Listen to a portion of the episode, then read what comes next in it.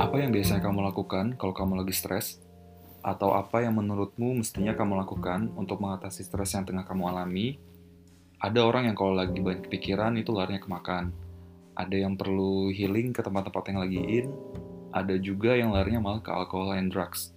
Aku ingat pas pandemi COVID-19 lalu, ada beberapa public figure ketangkap polisi karena kasus narkoba.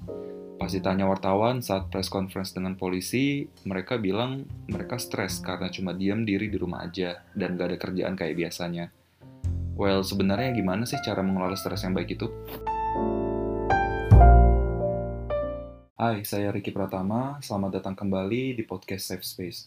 Sebuah siniar yang berfokus pada topik-topik seputar wellness di tempat kerja, seperti occupational mental health, work-life balance, bincang karir, pengembangan diri, case study, dan well-being dalam bekerja.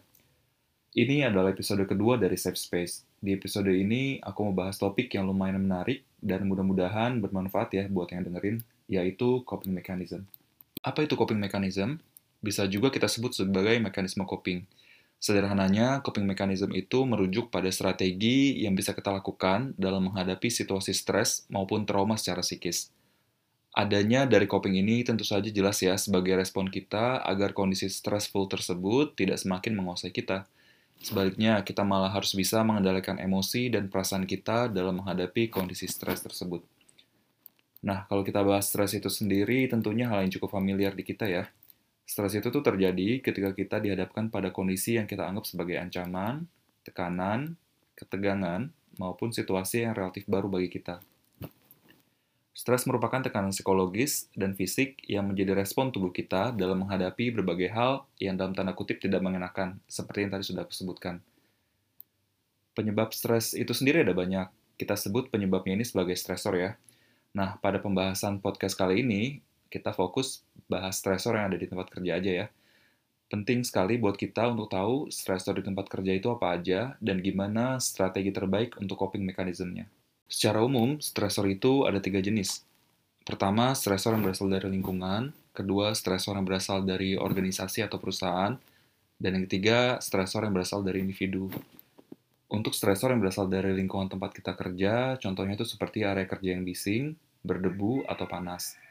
Mungkin jika kamu nggak terbiasa kerja di outdoor ya, lalu tiba-tiba ditempatkan di project yang mengharuskan kamu spending waktu kamu di luar ruangan, kemungkinan besar kamu akan kena stres akibat cuaca yang panas, karena biasanya kan di indoor adem ya, karena ada AC. Ini adalah contoh dari stresor lingkungan. Lalu jenis stresor kedua adalah yang berasal dari organisasi atau perusahaan. Ini lebih banyak lagi jenisnya, mulai dari sistem kerja yang nggak jelas, shift kerja yang terlalu berat, misalnya terlalu panjang, atau tidak adanya rotasi, kayak sekalinya kamu dapat tugas malam, ditempatkan di shift malam terus-menerus gitu ya. Atau kamu ngerasa tim di kantor kok kayak sikut-sikutan, backstabbing, atau yang sejenisnya, yang bikin kamu ngerasa terjebak di dalam culture kerjaan yang toksik. Stresor jenis ini sepertinya memang bisa ada di tempat kerja jenis apa pun ya. Lalu yang ketiga adalah stresor yang berasal dari individu. Misalnya persoalan keluarga, masalah finansial, dan karakteristik kepribadian bawaan. Stresor individu ini unik ya, karena asalnya dari dalam diri masing-masing orang. Bisa malah jadi stresor di tempat kerja ya? Tentu kita tahu ya, bahwa personality orang tuh beda-beda, termasuk di dalamnya soal managing stres masing-masing. Mungkin ada orang yang lebih easygoing, mungkin juga ada yang punya pembawaan yang lebih serius misalnya. Nah, jadi faktor ketiga ini justru stresor yang asalnya dari karakteristik personal kita masing-masing. Pastinya kamu sudah pernah dengar ya dampak dari stres itu sendiri ternyata dapat merembet ke masalah kesehatan lain yang lebih serius.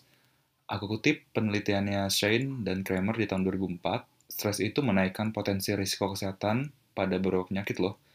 Pada orang yang stres, mereka berisiko terkena masalah kesehatan mental 2 hingga 3 kali lipat lebih tinggi Lalu penyakit kardiovaskular juga terkena risiko tiga kali lipat lebih tinggi, nyeri tulang belakang tiga kali lipat juga, serta beberapa tipe kanker bahkan sampai lima kali lipat.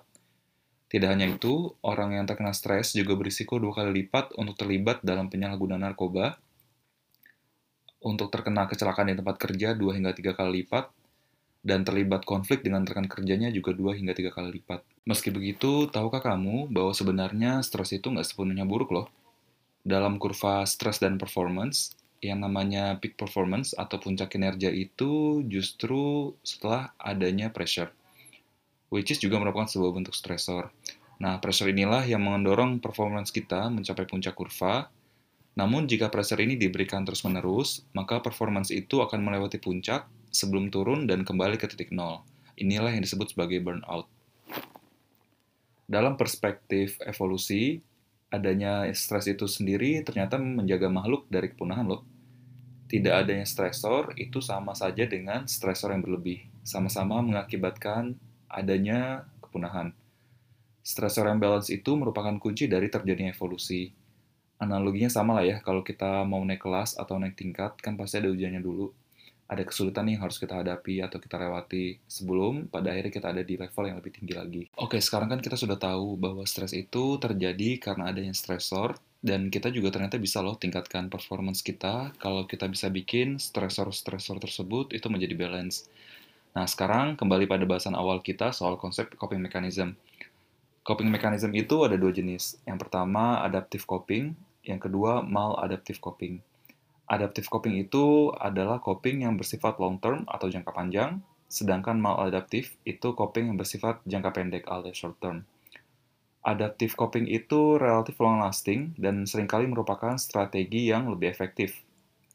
Contohnya, eh, kita cari support group atau orang-orang yang pernah punya pengalaman stres yang sama dengan kita, dengan harapan kita bisa dapat insight atau lesson learned dari mereka-mereka yang sudah pernah mengalaminya.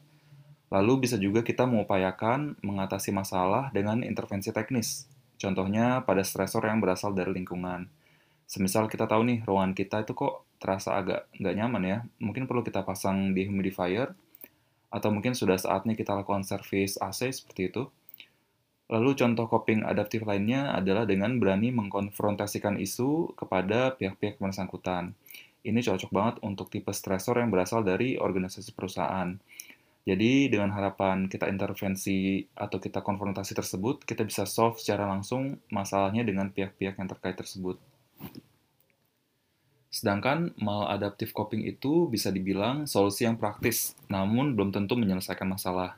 Contohnya menghindari orang-orang, denial kalau kita tuh sebetulnya lagi stres, dan juga melakukan pola konsumsi tertentu seperti makan makanan tertentu, merokok, minum alkohol, hingga obat-obatan terlarang. Tentu aja sebisa mungkin kita hindari jenis coping yang seperti ini ya. Meskipun mungkin bisa membuat kita nyaman, namun sebetulnya coping jenis ini tidak lebih dari sebuah pelarian. Dan yang penting lagi, coping jenis ini tuh tidak betul-betul menyelesaikan masalah. Yang ada malah menjadi masalah baru. Hal lain yang mesti kita ketahui dari coping stress adalah bahwa vulnerability atau kerentanan terhadap stres itu bisa beda-beda antara orang satu dengan yang lainnya. Sebagaimana tadi aku bahas uh, atau aku singgung sedikit di stresor yang berasal dari faktor individu, bahwa stresor yang sama itu dapat saja dimaknai dengan attitude maupun persepsi yang berbeda. Hal ini juga didorong bahwa coping stress itu sebetulnya juga merupakan skill sepanjang kita hidup yang dapat terus dilatih seiring dengan adanya pengalaman dan pengetahuan. Jadi dapat disimpulkan bahwa memang betul ya stresor itu bisa berkaitan langsung dengan pekerjaan. Namun, perbedaan individu itu akan menghasilkan output stres yang berbeda-beda, sehingga coping strateginya pun bisa jadi akan berbeda. Jadi, apakah kamu sudah tahu coping strategi kamu harusnya seperti apa?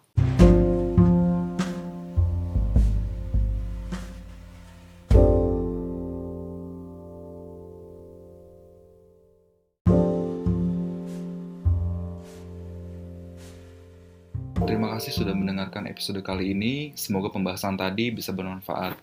Jangan ragu untuk share siniar ini kepada teman atau sahabat kamu, rekan kerja, keluarga, atau siapa pun yang sekiranya juga dapat enjoy konten podcast ini. Saya Ricky Pratama, sampai jumpa di episode selanjutnya.